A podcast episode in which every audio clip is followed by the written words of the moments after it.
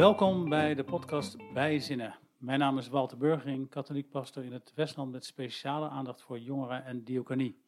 In deze podcastserie ontmoeten we jongeren die zich uitspreken over hoe zij leven en geloven in deze tijd. Met hen gaan we op zoek naar de betekenis van de katholieke traditie voor hen. Vandaag is de gast Willem van Zutphen. Hij is vierdejaars student toegepaste psychologie aan de Hogeschool Leiden. En te gast is toegevoegde waarde Rick Rodenburg, student theologie aan de Fontes Hogeschool in Utrecht. Welkom Willem. Dank je. Je bent 23 jaar, je studeert voor psycholoog. Heb je het idee dat de mens in staat is om met complexe crisis om te gaan? um, is de mens in staat om met complexe crisis om te gaan? Uh, nou, dat, in, dat denk ik wel. In ieder geval, ik kan niet per se zeggen dat de mens dat ook kan oplossen. Uh, altijd, maar mee omgaan is meer dan alleen het oplossen ervan natuurlijk. Dus, uh, Uiteindelijk moet je er een beetje mee dealen. Een beetje, een beetje mee dealen, ja. ja. En uh, Rick, ook welkom. Dank u. Jouw studie theologie, komt daar wel eens de maakbaarheid van de samenleving aan bod? Of hebben jullie het daar nooit over? Ja, ja, dat komt zeker aan bod. Zelfs dat wij de verantwoordelijkheid hebben om wat van de samenleving te maken. Oké, okay. Oké. Okay. En lukt dat al een beetje? Nee, nog niet echt. Komt wel. Het is ja. wel complex. Heel complex. We zullen kijken wat je als toegevoegde waarde vandaag ook uh, te berde kan uh, brengen. Uh, Willem, je, we zeiden het al, je studeert toegepaste psychologie. Wat, wat, is dat precies? En... Nou, die vraag krijg ik wel vaker. want um, ja, je hebt psychologie en dat kun je studeren op de universiteit. En dan word je opgeleid in wetenschap ja, te kunnen bezig zijn met de psychologie. Dus dan kun je onderzoeker ja. worden. Dan kun je zo'n psycholoog worden, waar iemand dan naast zit, ligt op zo'n bank, weet je wel. Een beetje zo'n Mm. typisch. Dat doe je op de universiteit. Ik doe toegepaste psychologie op een HBO, een Hogeschool Leiden. En dan leer je eigenlijk niet wetenschappelijk onderzoek doen, maar je leert dat wat er is in, binnen wetenschappelijk onderzoek, dus theorieën die er zijn, dat leer je toepassen in de praktijk. Oké, okay. ja. ja. Maar je, je studeert nu voor het derde, vierde jaar? Vierde jaar ben ik. Vierde jaar? Ja, ja, ja. Maar het is niet alles uh, altijd uh, wat je gedaan hebt. Hè? Je, bent als een techneut Klopt. begonnen. Ja, techneut. Ja, ja. Ik heb uh, technische natuurkunde gedaan een jaar. Een HBO op de Font is in Eindhoven. Ja. Um, ja, ik begon gewoon eerst met gewoon een hele, hele interesse voor natuurkunde en de wetenschap eigenlijk. Um, met die HBO heb ik mijn propedeuse gehaald in een jaar. En met die propedeuse kon ik gelijk door naar natuur- en sterrenkunde aan de Radboud Universiteit in Nijmegen. Maar daar was ik na een paar maanden al mee gestopt. Oké. Okay. Ja. ja. Waarom was het niet iets... Uh... Het was te veel. Uh, het was gewoon te veel bezig zijn met, met natuurkunde. En ik vond het interessant. Het is nog steeds wel interessant, maar... Uh, met alle andere dingen die ik wilde doen in mijn studententijd ook. dus nou, wat er ook al bij een studententijd komt kijken na studeren natuurlijk had ik te weinig tijd voor. Ja. Wat, wat komt te kijken na studeren bij nou, de ja, studententijd? je bent zelf ook student geweest, denk ik. Ja, lang geleden. ja, ja, maar wat kan ik zeggen? Ja, je hebt natuurlijk zo'n uh, katholieke studentenvereniging heb je daar zitten, maar je hebt ook uh, andere studentenverenigingen. Je hebt uh, student, ja, wat is het nog meer? Ja, ik, ik had ook gewoon hobby's als, als lezen, gamen. Overigens nog steeds mijn hobby's, waar ik gewoon Mhm. graag, graag beoefen. Ja. Um, kijken wat komt. Ja, voetbal, nou, sport ook belangrijk, een beetje bewegen en zo. Dus er komt best wel veel bij kijken. En ja, bij natuurkunde had ik het idee van, je, het moet ook eigenlijk gelijk je hobby zijn. Wil je gewoon comfortabel ermee zijn dat je er genoeg, dat je er zoveel tijd mee kwijt bent. En Ja. ik ben ook niet per se een genie. Dus um, ik had ook wel tijd nodig om, uh, om te leren voor tentamens en zo. En uh, nou, gewoon de stof bij te houden. Maar op de middelbare school had je wel waarschijnlijk het idee van, nou, ik wil dit gaan doen. Ja. Ja, Hè, dus ja. dus uh, ja, had je voorbeelden? Had ik voorbeelden? Voorbeelden van mensen die uh, natuurkunde hadden gestudeerd en daar iets mee deden? Ja, zeker. Ja, nou, ik, ik wilde zelf ook graag uh, Einstein zijn. Oké. Okay. Klassieker. dus het, ja, het is moeilijk. Ja, het hoog is op moeilijk. de ladder. Ja, hoog op de ladder. Ja, ik vond wat ik zo in, inspirerend vond aan Einstein was dat um, er is ook een quote en wat ook leuk is aan die quotes van, van, uh, van ja, ik moet niet zeggen oude mensen, maar gewoon mensen van vroeger. Dus je ook niet zeker weet of dat die quote nou van hun was of niet. Maar eentje was, imagination is more important than knowledge. Ja. Dus, um, en dat, vond, dat sprak mij heel erg aan. Eigenlijk met name omdat ik zelf ook uh, creatief ben. Of een ja, creatief type. Ik vind het leuk om dingen te bedenken. En dan, zeg maar, out-of-the-box ideeën vind ik ook gewoon heel leuk. En ik koppelde dat een beetje aan... Um, ja, misschien dat we nu wel een beetje van het onderwerp afgaan hoor. Maar ik koppel dat er ook een beetje aan...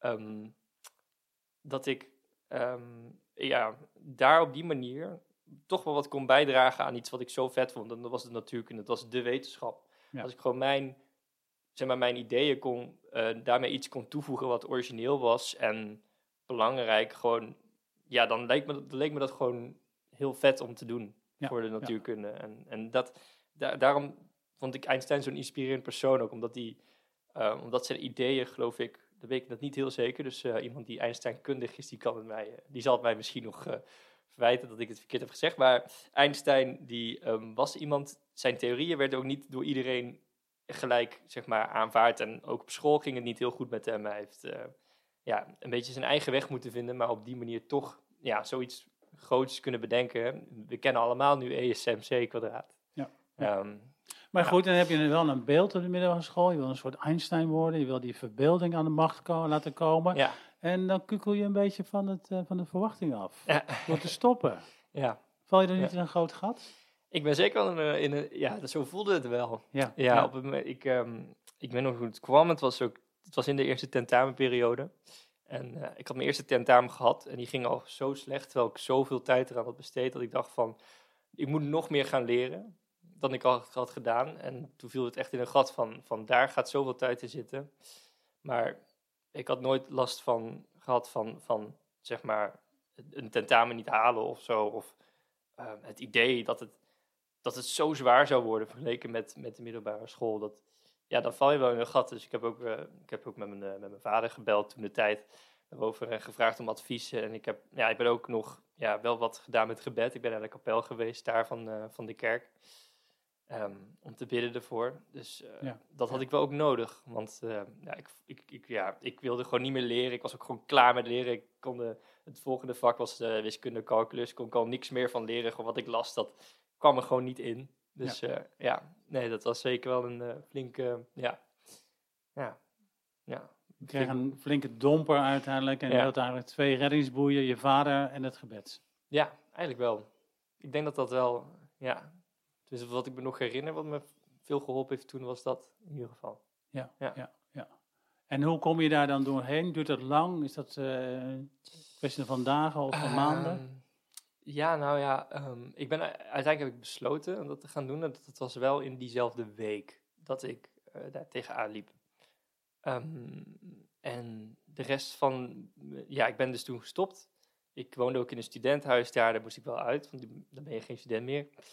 Ehm ging weer bij mijn ouders wonen en ik heb de rest van het jaar wel gebruikt om, om eventjes te herpakken en te herzien van wat, wat wil ik nou doen. Ja. Eh, ja.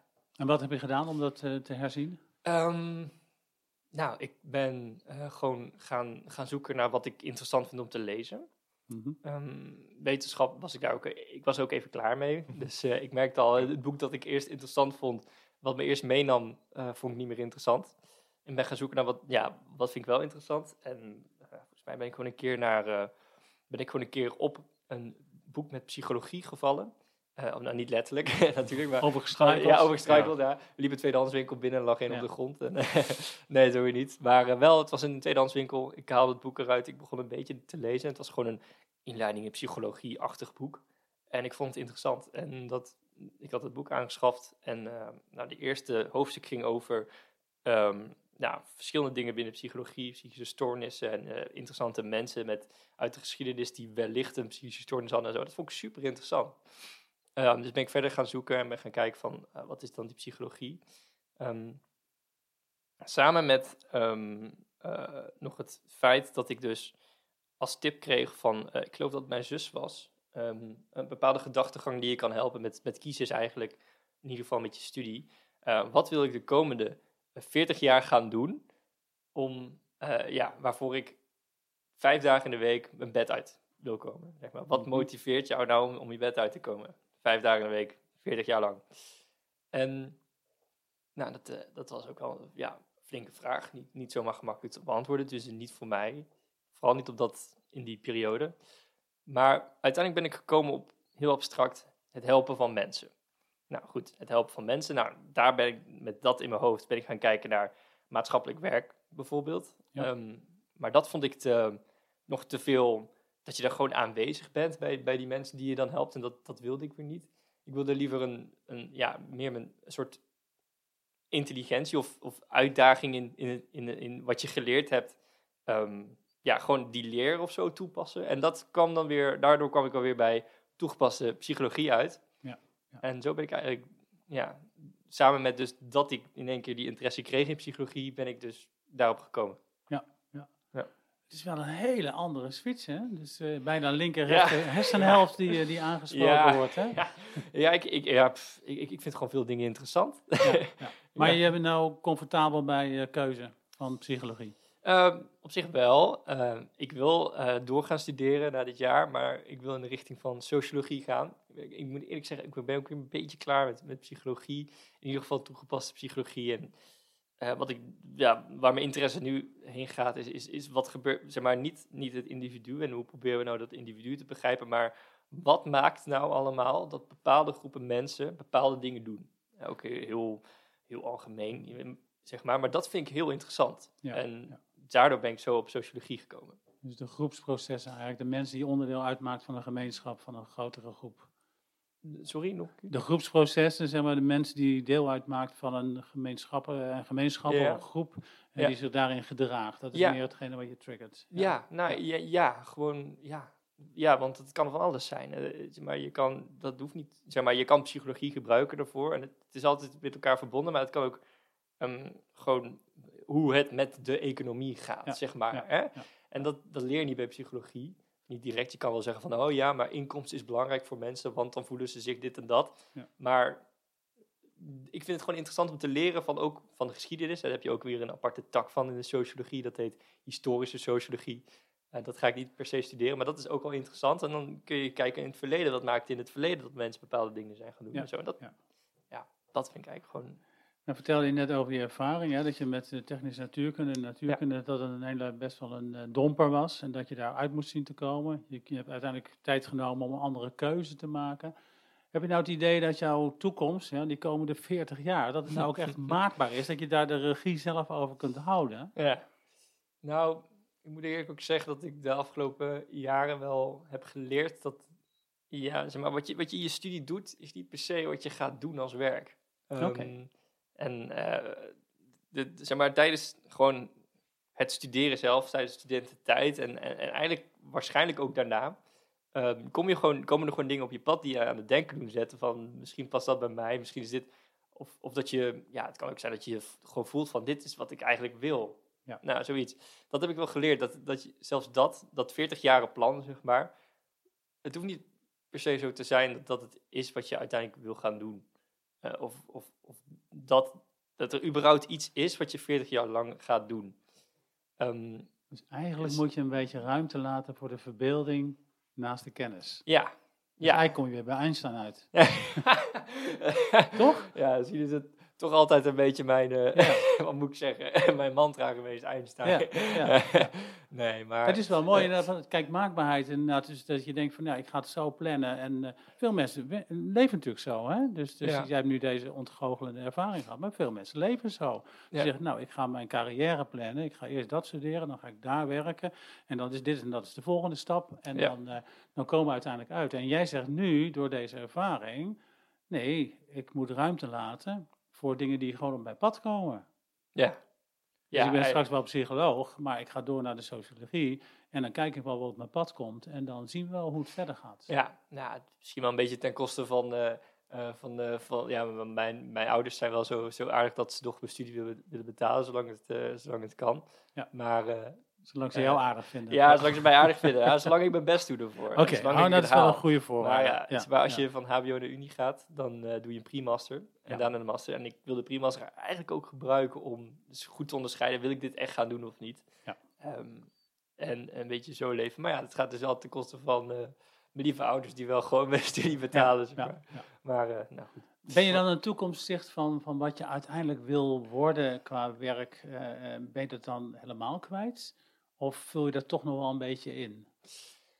Ehm, ik vul het dan een beetje in, want ik heb wel onderzoek gedaan naar, eh, oké, als ik dus die master doe, wat kan ik daarmee wel worden? Ja. En eh, welke keuze heb ik nog na die pre-master? Wordt het dan alleen die master of kan ik nog iets anders doen? En wat zijn daar dan weer de mogelijkheden in? Ja. En ik probeer, ik probeer zo eigenlijk te kijken van, vind ik die mogelijkheden ook interessant om te proberen na mijn studie?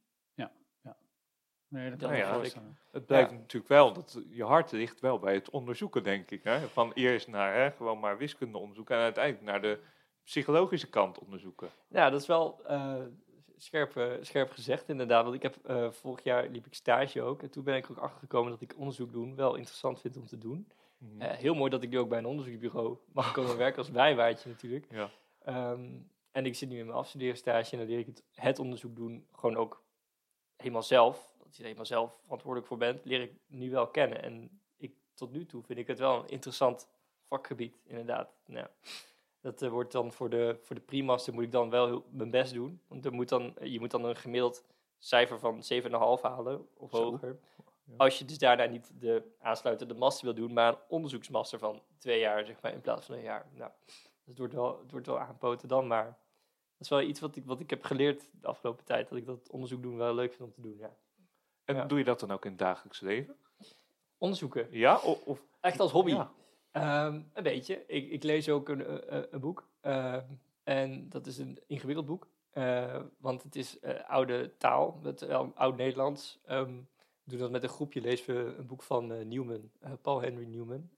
Nou, Apologia heet het. Oh, ja. Het is, en het is nog in een oud Nederlands geschreven. En dan moet je echt onderstrepen wat bedoelt hij daarmee. En dan al die alinea's even samenvatten kort, zodat je het goed begrijpt. En soms dan staan er gewoon dingen in, begrippen waarvan hij toen de tijds aannam. Die weet al wat het betekent. Maar nu, 150 jaar later, ik weet niet wat het betekent. Nee. Dus dan moet je wel onderzoek doen. Moet je googlen en zo. En dat soort dingen. Dat vind ik ook wel leuk om te doen, ja. Het zit ook een beetje in mijn hobby, maar ja, ik hou er wel van om daarnaast ook wel gewoon rustige, chille dingen te doen. Want het kost wel energie. energie. ja, Ja. mentale energie kun je het noemen. Ja. Je bent ook een gelovig iemand en je zegt van eh, ja, ik heb ook gebeden in die tijd dat het niet zo goed ging. Ja. Ehm, hoe speelt op dit moment geloof eh, een, een rol in je leven en bij je studie? Ja, Ehm, nou in mijn leven, ehm, in, ja, in het algemeen, ik ga iedere zondag ga ik naar de kerk, Ja. Katholiek, ik ben ook katholiek opgevoed, ook gewoon met iedere zondag naar de kerk gaan. Ik je naar merk, dezelfde kerk elke zondag? Eh, nee, nou ja, ik zit in Den Haagse centrum, hè. En dan heb je de, heb je drie, je hebt de, Jacobus, dat is gewoon, ja, wat moet ik zeggen, de grote katholieke kerk in Den Haag. Ik weet niet, nou goed. Ehm, maar daarnaast heb je ook nog de Church of Our Savior, dat is de internationale. Die vind ik altijd heel leuk, want die zit, heel, eh, die zit altijd heel vol met allemaal mensen van verschillende nationaliteiten. Daar heb ik altijd gewoon, daar ik wel vrolijk van. En dan heb je ook nog de, de kerk van de broeders zelf, eh, bij de broeders van Sint-Jan, waar ik, waar ik ook nog wel eens heen ga om naar de mis. Ja. Ja. ja. Dus een beetje variëteit en zo, maar de wekelijkse zondagsgang naar de kerk, dat is voor jou wel vertrouwd. Ja, ik Ja. vind het ook wel fijn. Ik ja, in de mis zitten en bezig zijn met wat, wat er eigenlijk in de mis wordt behandeld. Ja, ben ik gaan leren kennen als iets wat ik. Wat eigenlijk gewoon een hele. Ja, de hele mis zit vol met, met, met dingetjes. Waar goed is om mee bezig te zijn, denk ik ook. Ja, En, dingetjes, wat voor dingetjes? ja, dingetjes. nou, bijvoorbeeld aan het begin, hè, dan, doe je, je, dan beleid je je schuld. Dat je, en dan is het even stilstaan van, oh ja, wat heb ik allemaal fout gedaan eigenlijk afgelopen week. Ehm, dingetjes als, eh, nou, de preek. Van, daar, daar kun je altijd weer wat van leren. Eh, soms dwaal ik af, dat is een beetje mijn, mijn eh, ook een zonde van mij. Ook, nee, nou, zonde niet, ik kan er niet zoveel aan doen. Ehm, maar daar leer je wel weer wat van. En de geloofsbeleid is ook heel goed om steeds even te herhalen van wat is het ook weer dat we allemaal geloven. Ehm, en zo, ja, zo kan ik wel doorgaan, denk ik. ja. En merk je nou iets dat, eh, dat eh, de kerk of je geloof nou ook helpt om grip te houden, regie te houden op je leven? Dat er ook een bepaalde maakbaarheidsgedachte in zit, om het maar zo te zeggen? Ja, ehm, ja want ehm, ja, en ik, ik, ik bid ook voor het slapen gaan iedere avond. Dat is ook gewoon iets wat, gewoon, wat ik sinds, sinds ja, peuter af aan doe, zeg maar. Dus het zit er ook wel gewoon ingebakken. Maar een van de dingen die ik, eh, die ik dan ook doe, eh, bijvoorbeeld op een dag of eh, in een periode dat het wat minder gaat, of dat ik iets spannend vind dat eraan gaat komen, of vind dat dingen niet gaan zoals, ja, zoals ik had gepland, dan vind ik het een hele fijne en rustgevende gedachte om gewoon te zeggen, ja, ehm, om, om het als het ware in Gods handen te leggen en het gewoon aan Hem over te laten. Want, ehm, ja, want ja, sommige dingen, ja, dan, dan kom je toch wel op die maakbaarheid. Sommige dingen zijn gewoon niet maakbaar. Of, ja, en ja, dan, dan, dan met die, die controle die je dan niet meer hebt, als het ware, die je eigenlijk nooit überhaupt had, is het fijn om dat dan in de handen van, ja, van God te leggen. Om te zeggen van, God, ehm, ik ben in principe maar gewoon machteloos hierin. Ehm, ik vertrouw u erop dat uiteindelijk gewoon het beste gebeurt. Ja, Vind je dat niet frustrerend dan, als eh, onderzoeker? Hè? Dat je alles, alles kun je aantonen en dan op een gegeven moment loop je tegen de muur en dan moet je toch overdragen. Ja, zo. Ja, dan zeg je wat. Ehm, nou, ik ben nog nooit zo'n zo'n onderzoek ingegaan of, of iets, eh, dat, heb ik nooit voor mezelf gedaan, dat ik echt, echt tot de diepe kern van de waarheid wil komen. Ehm, want dat is ook weer het geloof. eh, wat ik in, ja, dat, eh, het, geloof is, is, is ook niet de wetenschap. En de wetenschap en de geloof zijn ook twee dingen die niet samen, zeg maar, het moet niet hetzelfde zijn. Want dat is het ook niet. Eh geloof is eigenlijk op een bepaald punt gewoon geloven en niet weten.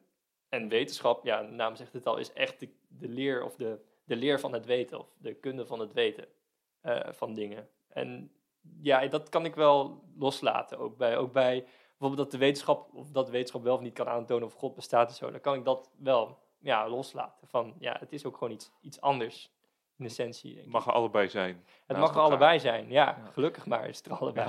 Ik Ja. denk dat dit nog een heel prachtig onderwerp is om nog eens een keertje over door te praten. Maar op dit moment moeten wij helaas afsluiten. Dankjewel Willem voor jouw eh, bijdrage.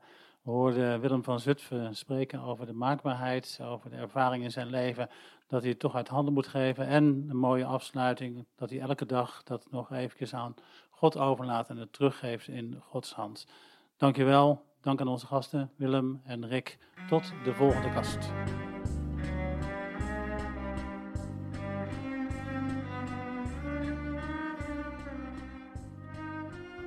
Deze reeks is geproduceerd onder verantwoordelijkheid van de zinnen. Meer weten over de activiteiten van de zinnen? Ga dan naar www.dezinnen.nl voor het programma aanbod.